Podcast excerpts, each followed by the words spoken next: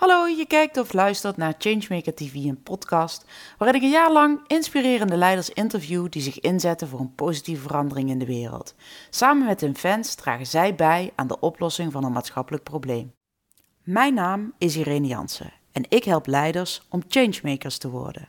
Met behulp van een authentieke boodschap en een strategisch plan zetten zij met plezier een beweging in gang voor die positieve verandering.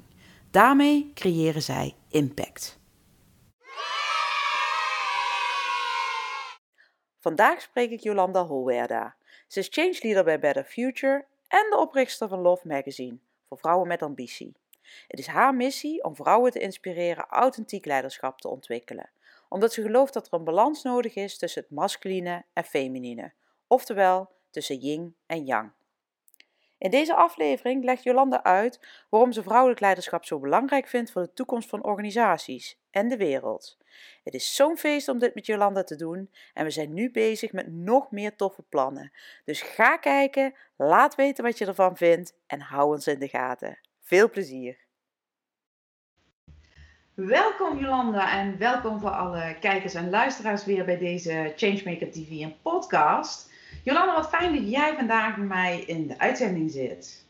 Zeker, ja. Ja, ik volg jou al een hele tijd. Uh, we zijn elkaar ook al eens op verschillende plekken tegengekomen.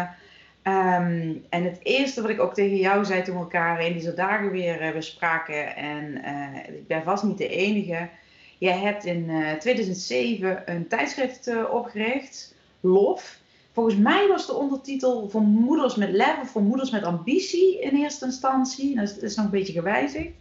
En dat was precies op dat moment, jij loopt een beetje voor op mij uh, in, dat, in die stadia, dat ik op punt stond om te gaan trouwen en nadenken kinderen en hoe moet dat dan en uh, carrière en dinges. Dus uh, het is voor mij in ieder geval jarenlang een enorme inspiratie geweest om, om nou ja, dat, dat magazine iedere keer weer in de hand te, te hebben. Um, inmiddels ben je allemaal weer andere dingen aan het doen, maar vrouwelijk leiderschap en ervoor zorgen dat eigenlijk uh, vrouwelijk potentieel uh, uh, tot zijn recht komt, dat is helemaal je ding. Dan zeg ik het toch goed of niet? Ja, fantastisch eigenlijk. Ik zou het niet beter kunnen zeggen. Nee, dankjewel. Ja. ja. kun je daar misschien nog iets meer over vertellen? Waar, waar, waar dat idee vandaan kwam van, goh, ik ga een magazine maken? Ja, ja. Ja, Nee, dat kan ik zeker. Het is grappig dat jij daar ook weer over begint. Want grappig genoeg, gek genoeg, of misschien helemaal niet verbazingwekkend, eh, zijn er op dit moment heel veel vrouwen die eigenlijk dat weer uh, terug in herinnering roepen. Van uh, ja, lof en wat jammer dat het er niet meer komt als magazine. En ik heb er zoveel aan gehad in die periode dat ik met kleine kinderen zat. En aan me al die vragen af, die vragen van hoe doe ik dat dan? Kinderen, carrière, mag het allemaal? Kan het naast elkaar? Nou, en dat was eigenlijk precies ook uh, de reden dat ik Lof heb opgericht, omdat ik zelf ook in, in zo'n zoektocht zat. Van, uh, eigenlijk de fundamentele vraag: mag ik wel ambities hebben? En jij refereerde net aan die, aan die subtitel van Lof. Um, en dat was inderdaad in eerste instantie voor moeders met ambities. Uiteindelijk hebben we daarvan gemaakt voor vrouwen met ambities. Omdat wij ook denken dat, dat iedereen in zijn leven meerdere ambities mag hebben. Mm um, en ja, en, en het is er nogal een, een, kan een worsteling zijn van hoe, hoe dat allemaal naast elkaar te laten bestaan.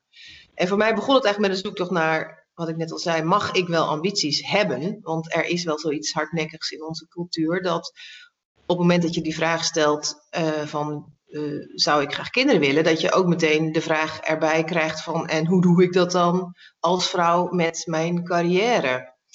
En helaas is het ook nog steeds zo, en dat is in al die tijd, de uh, afgelopen 13 jaar niet veranderd, dat vrouwen nog steeds wel afgerekend worden op het feit dat ze uh, kinderen hebben. En dat dat dan mogelijkwijs zou betekenen dat ze geen ambities meer hebben op het gebied van werk. Dus eigenlijk vanuit mijn eigen worsteling met dat thema ben ik toen op mijn veertigste een magazine gestart. Want ik dacht, ja, het wordt toch echt hoog tijd dat we in Nederland met z'n allen inzien dat ja, we die ambities hebben op het gebied van werk, gezin en maatschappij. Ik zeg altijd, als je kinderen krijgt, dan komen er ambities bij in plaats van dat ze afnemen. Dus ja, en hoe doe je dat dan? Gelukkig geldt het ook steeds voor mannen, hè, dat meer mannen dat die diezelfde vraag zich afstellen. Uh, Tuurlijk, maar niemand, niemand vraagt een man als hij zegt, uh, we zijn zwanger, hoeveel dagen ga je nu werken? Exact, ja, nog steeds niet. En, ik, weet het, ik weet het nog, en volgens mij heb ik het ook wel eens, wel eens gezegd, ik weet het nog, wij woonden eerst in, in België en daar was het gewoon veel normaler dat mannen en vrouwen gewoon alle twee fulltime werkten. Dus daar ging Jasper ook gewoon naar de BSO, allemaal geen probleem. En ik weet nog dat we op, op punt stonden om te verhuizen, dat ik tegen mijn man zei, ik krijg die vraag van mijn kind, waarom moet ik op woensdag naar de BSO? En het was precies zo, hè? Het was precies zo. Die vraag heb ik in, in Brussel en die zou ik niet hebben gehad als we daar zijn uh, waren gebleven.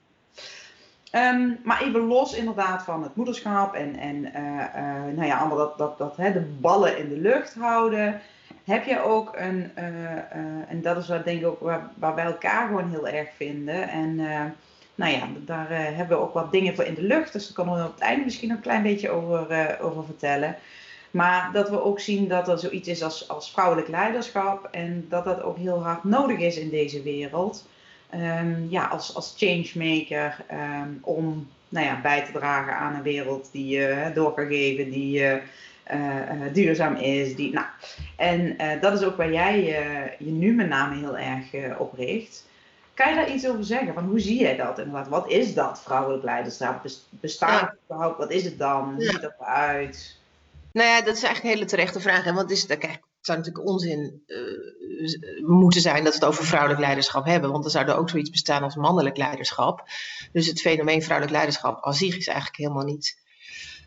Het zou er niet moeten zijn in mijn beleving helaas is het wel zo dat, en dan komt ja, toch even een soort van theoretisch verhaal, ben ik bang. Uh, het pad van vrouwen in organisaties is, en in de maatschappij is niet um, geëffend door vrouwen, maar door mannen. dus het pad, het voorbeeld wat er is in, in, in, in de wereld is mannen die carrière maken, mannen die de top van organisaties bereiken, mannen die wereldleiders zijn. Het is een en al man wat de klok slaat. En nou ben ik geen mannenbescher, want ik denk juist, we hebben ik praat ook liever over masculine en feminine energie. Dat vind ik eigenlijk ook inmiddels al wel weer een soort van braakonderwerp. Maar goed, het gaat erom, hè, hè, want ik wil net zo goed veel vrouwen kunnen masculine energie hebben als mannen feminine energie. Mhm. Maar um, het is wel zo dat je complementaire eigenschappen nodig hebt om elkaar als team aan te vullen. En organisaties beter te maken. En ik weet één ding inmiddels wel. Ik ben ook yoga-docent, yin-yoga-docent die yin en die yang kwaliteiten, die heb je gewoon in de wereld nodig. En wat ik wel geleerd heb in die opleiding, grappig genoeg wist ik dat niet toen ik eraan begon, is dat yin staat voor vrouwelijke energie, feminine energie. En dat gaat meer over de, de voedende energie en over uh, dingen kunnen dragen.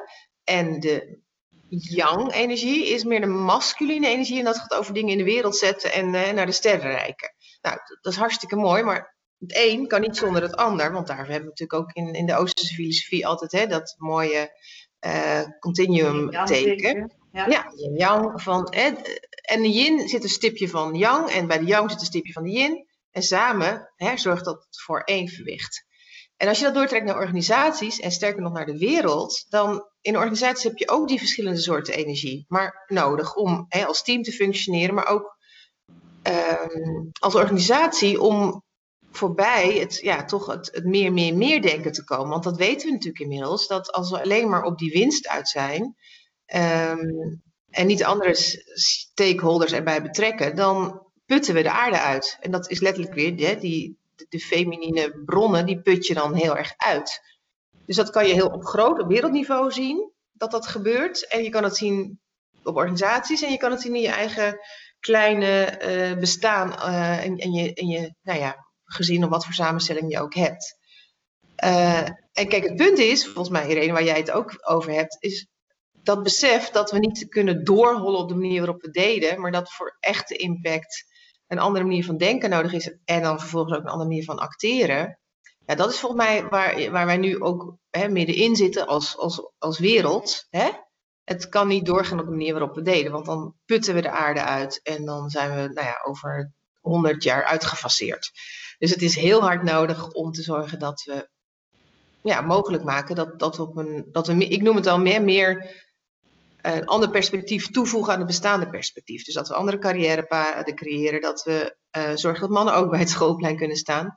hey, thanks to COVID ehm, hebben we daar opeens een bewijs van dat het heel goed mogelijk is. Uh, nou ja, ik vond het uh, wel een mooie, maar dat is ook die, uh, die balans. Je zegt als, als het gaat om dingen in de wereld zetten, dan is zeg maar het, het mannelijk model of de, het masculine model, zou ik maar zeggen, het, het voorbeeld. Hè? Uh, maar dat, de, de, de spiegel daarvan is inderdaad ook uh, uh, thuis, hè, als het gaat om het gezin en is het feminine, de vrouw, de moeder, het leidende voorbeeld, zeg maar. en ik denk dat, dat mannen daar ook wel eens net zoveel last van kunnen hebben of, dan vrouwen die in die, in die, in die masculine wereld iets, iets willen zetten. Um, en daarbij maak je ook terecht die, dat, dat, dat onderscheid van hey, sommige vrouwen hebben ook meer masculine, masculiniteit of masculine kwaliteiten. En sommige, hè, dus dat, en het zit allemaal in ons. En het ene is misschien van nature wat meer aanwezig of wat meer ontwikkeld. Hè, ook na, na, na gelang welke plek je hebt gezeten. Maar wat, hè, als we het hebben over vrouwelijk leiderschap en met name jij werkt met, uh, met uh, um, vrouwen in het uh, bedrijfsleven met name. Um, ja, wat is dan jouw beeld? Weet je, als je het stipje op de horizon moet zetten, hè, waar moet het naartoe? Wat is jouw missie? Hmm. Ja, dat is ook weer een mooie vraag. Um, kijk, daar heb ik er inderdaad ook wel een tijdje over nagedacht. Um, mijn missie is dat vrouwen eigenlijk ongehinderd hun talent in de wereld kunnen zetten. En wat ik zie is dat veel vrouwen, en dat is ook heel logisch, uh, zich aanpassen aan een uh, dominante cultuur. Dat geldt voor elke minderheid. Dus dat, is heel, dat doen we. Hè? Als, we, als wij minder dan 30% van het geheel vormen als soort, of dat nou uh, vrouwelijk is of, moet ik even zeggen, wat migrant, allochtoon, ik weet niet goed wat de correcte uitdrukking is. Um, of gender, age, alles wat je, waar je op gediscrimineerd kan worden. Als je een minderheid vormt, dan heb jij het niet voor het zeggen. En wat doe je dan als mens? Want we zijn biologische sociale diersoorten. Um, dan ga je aanpassen. En dat is wat er gebeurt. En dat gebeurt vaak heel ongemerkt. En mijn missie is om vrouwen te bewust te uh, maken van die processen die zich afspelen. In, in die verschillende stadia ook van je, van je carrière. En je eigenlijk heel erg bewust te maken van dat er een fase is in je leven waarin jij, in je carrière, waarin je toch even mee moet doen uh, om het spel te spelen, om vervolgens het te beïnvloeden, om dan eigenlijk door te groeien naar dat wat veel meer is jouw authentieke kracht. Um, en ik merk bij vrouwen heel, heel erg dat vrouwen gaan niet aan op hè, eh, het stadium van uh, kijk maar eens iets goed doen. Daar zijn we van tevoren, we zijn daar zo niet in getraind om dat naar voren te halen kijk mij eens even, heb ik toch echt gedaan? En jeetje, zie je me wel staan? Wij zijn heel erg gewend en geconditioneerd om een soort van bescheiden te zijn over onze ambitie. Maar waar ik vrouwen wel... Het samen gedaan, ja. Ja, samen gedaan. En joh, ja nee, het stelt allemaal niet zoveel voor. En dat is heel erg natuurlijk bij veel vrouwen. Maar waar vrouwen juist heel goed in zijn, vind ik altijd, is, is het echt doen voor het grotere geheel juist omdat vrouwen minder in mijn beleving, in mijn ervaring van nou, de honderden vrouwen die ik gecoacht heb en getraind, um, is dat we wel heel erg intrinsiek gemotiveerd zijn om bij te dragen aan het grotere geheel. Um, en ook ja, echt vanuit purpose, om zo'n modewoord te pakken, om vanuit daar iets ter verbetering te doen of iets in de wereld te zetten. Dus um, ik weet het niet, hè? Dus, dus jij wil dat alle organisaties of alle vrouwelijke leiders Ehm, bijdragen aan nou ja, die purpose of dat. Ik, ik weet het niet, hè? Maar wat, als jij, hè, want je, wat is nou, jouw... Misschien moet ik, een, moet ik een platter slaan, weet je? Ik, ik word gewoon um, geraakt. Het doet mij pijn als ik zie dat vrouwen sneuvelen in dat proces van naar de top en dat ze zichzelf op een gegeven moment geweld aan gaan doen. Um, en dat is gewoon heel zonde. En misschien is dat zo pijnlijk omdat ik het zelf ook ervaren heb. Want ik heb ook een, een fase gehad dat ik uh, um, met kleine kinderen uh, dacht van... hé, maar hoe zit het dan met mijn ambities? Ik had ze toch ik had toch heel veel ambities en waarom twijfel ik daar nu aan? En uh, nou, dan heeft het ook natuurlijk te maken met je work-life keuzes, maar het heeft minstens zoveel te maken met die organisatiecultuur en of die jou stimuleert je talenten te gebruiken. Of dat je gevraagd wordt te conformeren aan wat de norm is. En die norm is meestal dan net niet bepaald door uh, vrouwen, maar vaak door de cultuur die in die organisatie heerst. En die wordt meestal aangestuurd door mannen ik vind het vervelend om het zo plat te slaan en zwart-wit te denken, want daar ben ik helemaal niet per se van. Maar het is wel om het duidelijk te maken dat, dat vrouwen zich vaak, nou dat zie je, die stromen gewoon uit op een bepaald moment en die, en die, die worden er gewoon, dit gaat hem heel veel energie kosten. Dus het mooie zou zijn als we met genoeg vrouwen zouden zijn om de, de, de tipping point te creëren. Uh, dat is dan meer dan 30% van de vrouwen. Dan kan je namelijk de cultuur beïnvloeden op een manier die, ja, waardoor je jezelf kunt blijven. Ja, en jij ziet dat als dus een organisatie inclusiever is uh, en een ruimte komt voor vrouwen die op een, uh, op een feminine manier of met hun, het, het aanspreken van hun feminine kwaliteiten kunnen leiding geven en kunnen acteren, dat dat uiteindelijk bijdraagt aan nou ja, een betere wereld, een, een meer circulaire wereld. Een, mm Nu leg ik je een beetje gewoon maar ja. Ehm, is dat een beetje het perspectief, zeg maar, waar jij... Ja, eh, ja. ja of dat organisaties natuurlijk, dat zie je ook al, nu veel platter worden. Hè? Dus waardoor ook al hiërarchie verdwijnt, waardoor ook mensen al vanuit uh, zelforganisatie en eigenaarschap hun ding kunnen doen. En over het algemeen wordt iedereen daar vaak blijer van. Ja. Dus blijere organisaties waarin vrouwen meer ruimte krijgen om, ja, om hun kwaliteit. Iedereen, hè? eigenlijk iedereen. Want dat vind ik ook een heel interessant fenomeen. Laten we het niet alleen maar over vrouwen hebben. Mannen worden ook vaak heel blij, merk ik in, in, in leiderschapstrainingen die, die wij doen. Uh, als, als ze ook meer bij, ook weer cliché, meer bij hun gevoel mogen komen. Dat is enorm verrijkend, ook van mannen. Dus uiteindelijk gaat het er juist om dat je elkaar weet te vinden. Het is ook een beetje een malletje, hè? Wat we, waar, waarbij uh, winst en presteren en uh, zichtbaarheid en, en, en, en, allemaal die meer masculine kwaliteiten de, uh, de norm of de overhand hebben gekregen. En op zich is daar niks mis mee, maar het gaat inderdaad om, om die balans. Hè? Jij noemt dat dan yin-yang, maar dat is ja, dat, dat je ook dat naar elkaar omzien, een, een toekomstperspectief, ja, innoveren op, op wat er nodig is, niet alleen nu om nu winst te maken, maar om ook nog te bestaan over. Uh, dat soort dingen, zeg maar. Ja. Ja. ja. ja. dat je ook die, die, zeg maar, die zachte kant uh, wat meer kunt benadrukken. Want die is hartstikke, hartstikke uh, instrumenteel als het gaat om verandering tot stand te brengen. Ja. Wat moet daarvoor gebeuren? Oké, okay, wat moet er voor gebeuren? Maar ik wil nog even één zijstapje maken voordat ik daar antwoord op geef. En dat is, want ik zit zo door te denken, wat nog één andere reden is die mij hier rond dit thema in beweging zet, is een onderzoek van McKinsey. Uh, en dat laat zien dat vrouwen en mannen op dezelfde manier hè, aan de start van hun carrière evenveel, met evenveel ambities en zelfvertrouwen hè, beginnen aan hun carrière. Nou, merk ik ook als ik jonge meiden spreek die nog net uit universiteitsbanken komen of wat dan ook. Ja, hoezo is er een probleem en hoezo zou het anders zijn tussen vrouwen en mannen? Wat gelul, dacht ik ook zelf toen ik uh, best wel lang geleden uit diezelfde universiteitsbanken kwam. Ik dacht, wat een gelul hoezo positieve discriminatie, hoezo positieve actie, hoezo uh, diversiteit en inclusie. Hè? Dat gaat toch allemaal vanzelf? Nou, doen? Ja, ja, precies, ja. gaat gewoon vanzelf. Maar goed, wat uit dat onderzoek blijkt, en dat vind ik toch echt heel uh, betekenend, uh, veel betekenend, dat het niet het ambitieniveau van vrouwen naarmate ze verder komen in hun carrière neemt af, maar het vertrouwen op een goede afloop vertrouwen in zichzelf op een, op een doorstroom neemt af. Dus er komt een mismatch tussen uh, ambitie en zelfvertrouwen. En dat is denk ik wat ik altijd zie. Uh, en volgens mij is het ook vrij universeel. En dat komt natuurlijk omdat je niet gespiegeld wordt in je, eh, met, met je eigen gedrag door mensen aan de top.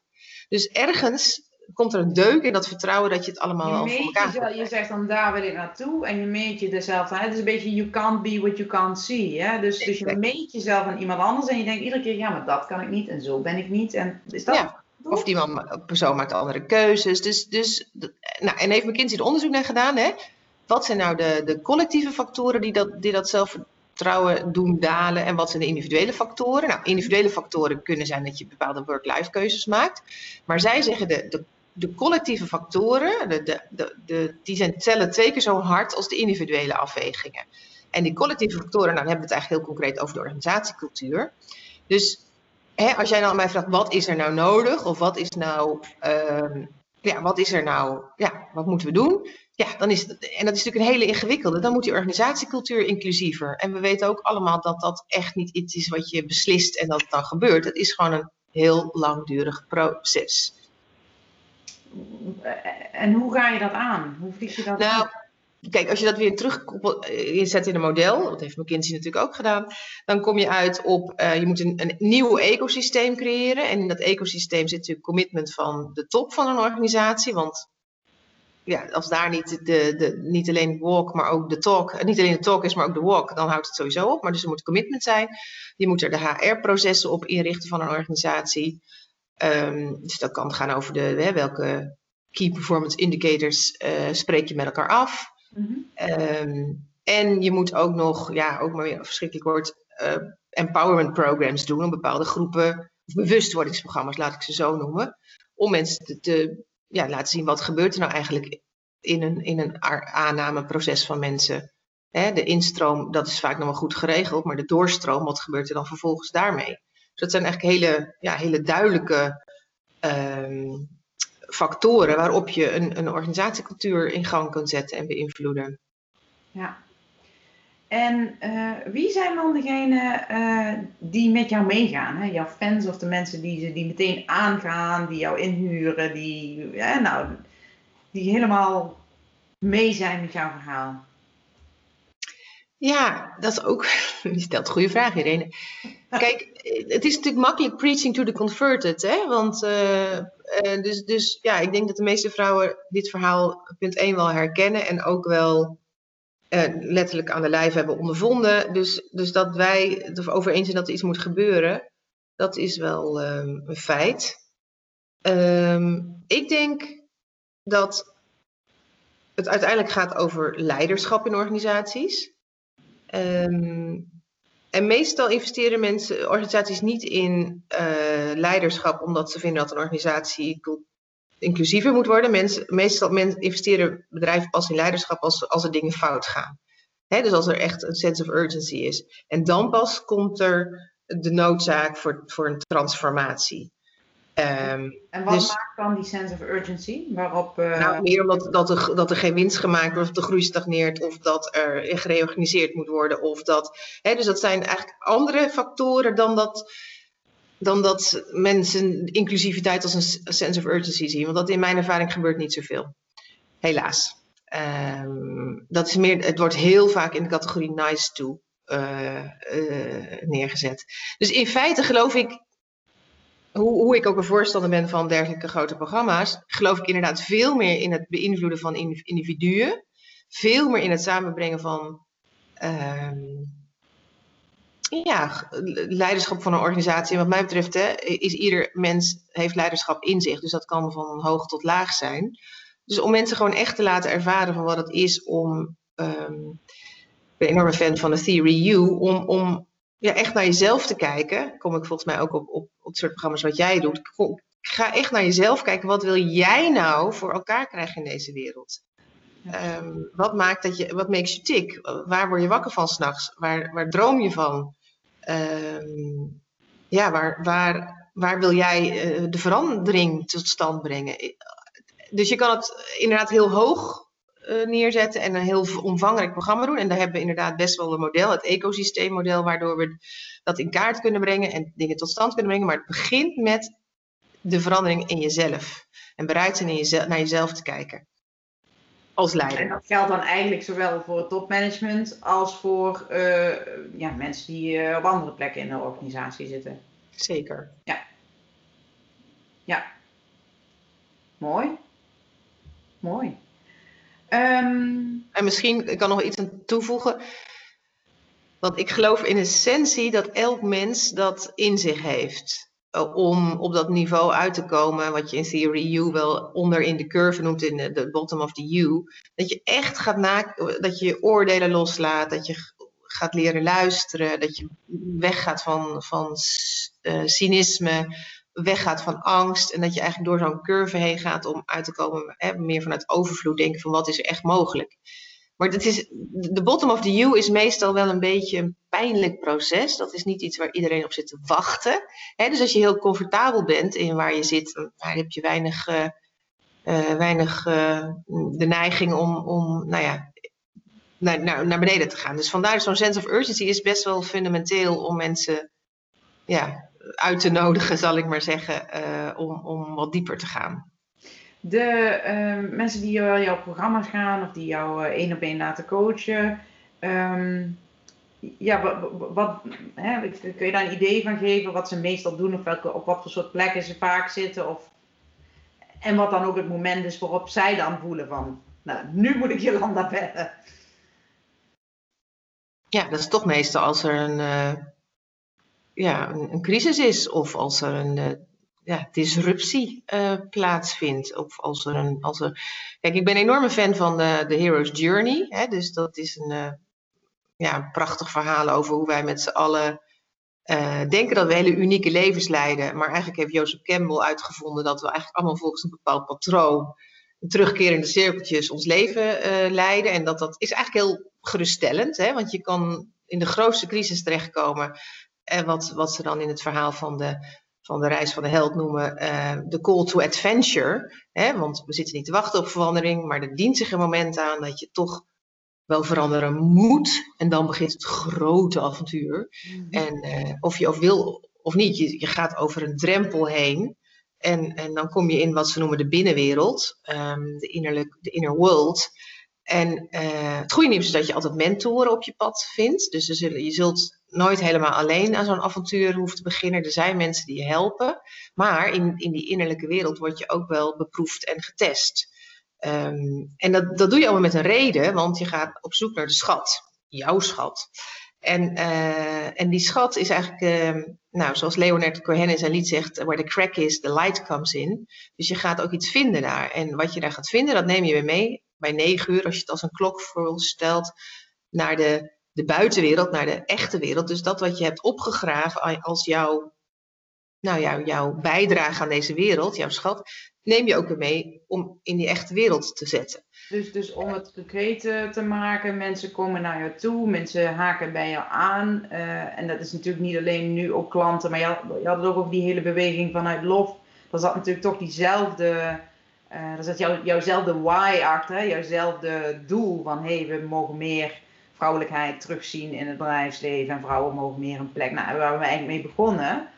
Um, dan haken mensen dus vooral aan uh, op het moment dat ze voelen, ja, dit, dit, uh, dit wordt hem niet, zou ik maar zeggen. Er moet, er moet nu iets anders. Ja. Ja. Ik heb het bijvoorbeeld, dus om, om dat even concreet te maken van, ik weet niet of je zo iemand in je hoofd hebt, hè, um, uh, een klant. Uh, maar bijvoorbeeld iemand die, je begon net over jezelf te praten, heel hard in, in, in die bank doorgaat om, om, om op dat pad te lopen, wat, hè, wat in, in, de, in de lijn van, naar de top van de organisatie ligt, zeg maar. En er dan achter komt, nou, bijvoorbeeld dat zelfvertrouwen verliest, waar, waar, waar het onderzoek van McKinsey het over had. Of, nou ja, gewoon om, daar even wat, wat, uh, hè, wat, wat, wat, helderder te krijgen. Van wie zijn dan mensen die dan meteen denken, yes. Uh, ja, dus je carrière stagneert, er gaat een promotie aan je neus voorbij. Toevallig aan iemand uh, waar je denkt, hé, hey, maar dat kan ik eigenlijk ook wel. Maar nou, dat kan het zijn. Dat kan natuurlijk een burn-out zijn. Burn-out is natuurlijk niet fijn, maar wel altijd de start van een, van een nieuwe fase. Uh, ook, ook, daar moet je natuurlijk echt wel eerst door een nou, diep dal, om het zo maar te zeggen. Um, ja, het kan, ja, ik, jij zegt echt concreet. Um, ja, iemand die uit een familiebedrijf komt, die, die je coach, die ja, daar uh, ja, tegen allerlei uh, oude systemen aanloopt, zowel in de werk- als in de privésfeer. Maar ik denk dat mensen altijd bij een coach aankloppen als het even niet lekker gaat. En als je een mentor kunt gebruiken of iemand kunt helpen die met jou dat, dat, dat, dat avontuur aangaat. Ik denk dat wat dat betreft ben ik gewoon een uh, reisbegeleider. Uh, met heel veel uh, tools in mijn schatkist. Um, om mensen te helpen die, uh, ja, die, die reis te, te maken. Ja. Omdat ik, ja, ik geloof dat je uiteindelijk wel bij, bij, bij je betekenis uitkomt. Dus ik ga mhm. eigenlijk op zoek met mensen naar hun, hun betekenis in, in, het, in het leven. Mm Ja, mooi. Uh, los van klanten zijn natuurlijk, hè, heb jij inderdaad juist ook door dat lof een enorme, ja toch, hè, je zegt mensen komen er ineens weer op terug. Dus dat blijkt toch allemaal, hè, zelf begon ik er meteen over, toch een soort van fanbase groter dan je klantenkring uh, verzamelt. Um, is hun, wat denk je dat, dat maakt dat zij um, ja, helemaal aangaan op je verhaal? Of, hè? Hmm. Ja, dat is wel een mooie vraag, jeetje. Um, ik weet wel dat ik toen ik LOF tien jaar bestond, toen uh, heeft Herna Verhagen, um, de CEO van PostNL, die uh, betrokken was bij de start van LOF, heeft uh, ook teruggeblikt op, op tien jaar LOF. En toen vertelde ze mij ook de vraag, ben jij trots op LOF? Dat vond ik toen zo'n confronterende vraag, omdat ik dacht, ben ik trots op LOF? Ben ik trots op LOF? En ik heb zoveel jaren zo hard gewerkt dat ik uh, dat ik eigenlijk daar helemaal niet tijd voor had gehad om daarbij stil te staan, denk ik. En inmiddels kan ik wel zien dat inderdaad precies wat jij zegt, dat er een hele grote community om lof verzameld is. Die ja, gewoon heel erg gelooft in wat wij uh, in de wereld hebben gezet. En um, waar ligt hem dat aan? Ja, ik denk dat wat, wat nou, waar jij ook mee begon, dat we voor veel vrouwen een, een ja, heb ik vaak teruggekregen, een soort van anker waren van, oh ja, zie je wel, het kan wel. Het kan, dat je, ik mag ambities hebben, ik kan uh, het combineren met kinderen. Het is niet altijd makkelijk, maar het is wel mogelijk. Um, het is leuk. Het kan ook nog hartstikke leuk zijn. De eerste editie was maar dat er een moeder met twee kinderen op een trampoline, dat beeld heb ik. Uh, ja, ja, ja, daar ja. hebben we heel lang over nagedacht, over het beeld inderdaad. Ja, ja, ja klopt. Ja. Ah, het was een goede keuze. Het stak. ja. Nee, ik denk de bladformule, heel simpel platgeslagen, was... Uh, we wilden herkenning, erkenning en inspiratie uh, bieden. En uh, we hebben ja, een supercool uh, creatief team, zijn we daarmee aan de slag gegaan. Misschien ken je dat verhaal ook wel, dat het eigenlijk dachten we gaan één editie maken. En toen werden het er, nou, ik geloof dat er veertig zijn uitgekomen. Um, dus we hebben, we hebben dat ook inderdaad met ontzettend veel plezier en, en gedaan. Dus ik denk dat dat er ook vanaf spatte. Ja. En, en dat het daarom ook ja, een beweging is geworden. Ja, en op welke manier komen dus al die lezers en al die klanten van jou, komen die in beweging voor hè, dat vrouwelijk leiderschap, die organisaties die meer in balans zijn? Hè, eigenlijk jouw visie, jouw purpose, zo gezegd. Mm Op welke manier ze in beweging komen? Ja. Um, ja, ik, nou, ik zal proberen een concreet voorbeeld te geven. Laatst heb ik een, uh, een training gegeven voor uh, vrouwen die allemaal uh, voor een opleiding vrouw en commissaris. Dus voor vrouwen die commissaris willen worden. Ook weer vanuit het idee, hè, als wij in toezichthoudende functies benoemd worden, dan kunnen we ook op die manier onze invloed uitoefenen. Wat natuurlijk hartstikke mooi is. Mm -hmm. um, en, en na afloop kwam iemand naar me toe en zei: Ik ben zo blij met wat jij mij hebt gegeven in, in, deze training. Want ze zei, ik stond eigenlijk op het punt om af te haken. Want ik dacht, ik ben echt niet goed genoeg en ik kan dat allemaal niet. En uh, helemaal niet, wat heb ik daar nou toe te voegen op dat niveau? En ik heb gewoon verteld wat ik uh, vanuit mijn eigen ervaring, ook als toezichthouder, um, dat het allemaal niet zo verheven is als je zou denken. Maar dat het gewoon net zoals in een gewone organisatie of in een MT, managementteam dat je dezelfde dynamieken tegenkomt met mensen. Dat je nog steeds op dezelfde manier mensen moet aanspreken of mag aanspreken. Dat je feedback mag vragen geven. Allemaal dingen die helemaal niet vreemd zijn. Sterk nog dat je dat moet doen. En, um, maar dat het ook niet makkelijk is. Hè? Dat het dilemma's met zich meebrengt. Net als in het echte leven. Dilemma's. Uh, wat wel, wat niet. Wat zou het beste werken? Wat, wat moet je beslissen? Wat moet ik. Nou, kortom wat ze eigenlijk teruggaf was van, uh, door jouw verhaal te vertellen, heb jij uh, me doen beseffen dat ik uh, onzeker ben soms, maar dat die onzekerheid me niet hoeft te belemmeren om uh, in te stappen. Om het wel te doen. Ja. Om het wel te doen. En ik denk, dat denk ik dat zowel het magazine, maar ook de trainingen meegeven. Van weet je, uiteindelijk is niets menselijks ons vreemd. En onzekerheid um, schijnt een ding te zijn wat toch vrouwen meer mee zijn dan mannen. Ik heb me deze week nog laten vertellen dat in de, testos, uh, sorry, in de puberteitsfase jongens negen keer zoveel testosteron aanmaken als meisjes. Dat vond ik al een heftig uh, fenomeen. Ehm, maar goed, dat, dus dat, ja, dat, die, die onzekerheid helpt ons niet, maar het helpt ons ook niet om hem te ontkennen. Dus volgens mij hebben we er meer aan door af en toe maar gewoon te benoemen dat hij er is. Te ontdekken dat dat een volledig normaal verschijnsel is. En dat we er vervolgens mee gaan uh, dealen. Hè, dat er altijd die verschillende stemmen in je hoofd zijn. Van de een zal zeggen, nou doe nou maar bescheiden, doe nou maar uh, rustig aan en hou je in. En dat die stem er mag zijn, geef je een klopje op de schouder, zeg je nou dankjewel voor je advies. En vervolgens laat je die andere stem er ook bij. Ja. ja. Ja. En het is ook een kwestie van oefenen. Hè? Weet je, dat is echt oefenen. Dat geloof ik ook, dat, is echt, dat valt echt te trainen. Maar het begint met te erkennen wat er is. En vervolgens kun je van daaruit kun je verder groeien. Ja.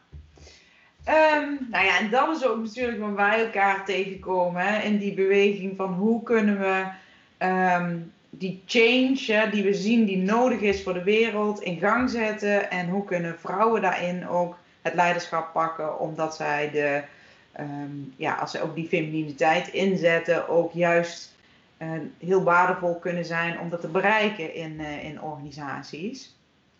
Dus zeg ik het toch goed of niet?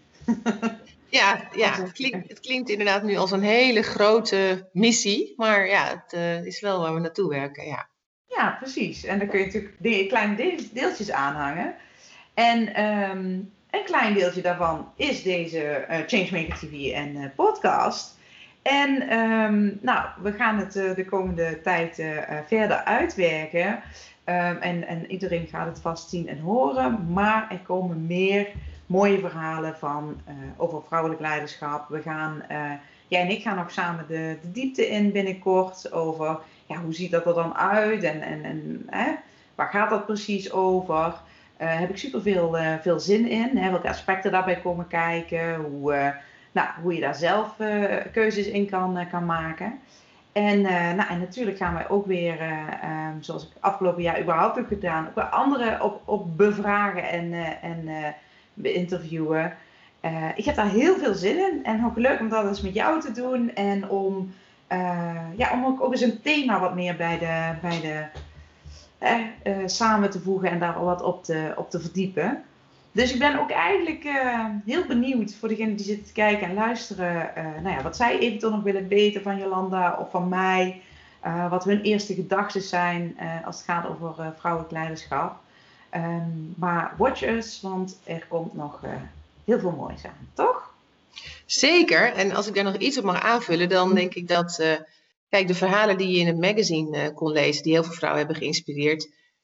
Um, weet je, die verhalen, dat heb ik ontdekt, die doen, die doen er zo toe. Dus ik verheug me ook enorm op om samen met jou uh, changemakers te interviewen uit bedrijfsleven, politiek, omdat die, de verhalen zetten gewoon iets in beweging bij jezelf. Dus uh, hoe mooi is het dat we dat, uh, op dat samen dat avontuur uh, aangaan. En als mensen suggesties hebben, wie ze graag willen dat wij op het podium van deze Changemakers TV hijsen, dan, dan hoor ik dat heel graag. Want dan kunnen we daarmee aan de slag. Ja, precies. Helemaal goed. Hey, van nu wil ik jou super bedanken, want ook jouw verhaal uh, is weer uh, een heel mooi voorbeeld uh, van hoe je zelf de change kunt zijn. dus dank je wel alvast voor, voor dit gesprek. En nou ja, wat mij betreft tot heel snel. Dank jij wel. Tot snel. Hoi. Doei. Je keek of luisterde naar Changemaker TV en podcast. Fijn dat je erbij was. Laat vooral even weten wat je ervan vindt door like te geven of een reactie achter te laten. Wil je niks missen van deze serie met inspirerende leiders die zich inzetten voor een positieve verandering in de wereld? Abonneer je dan even. Be the change.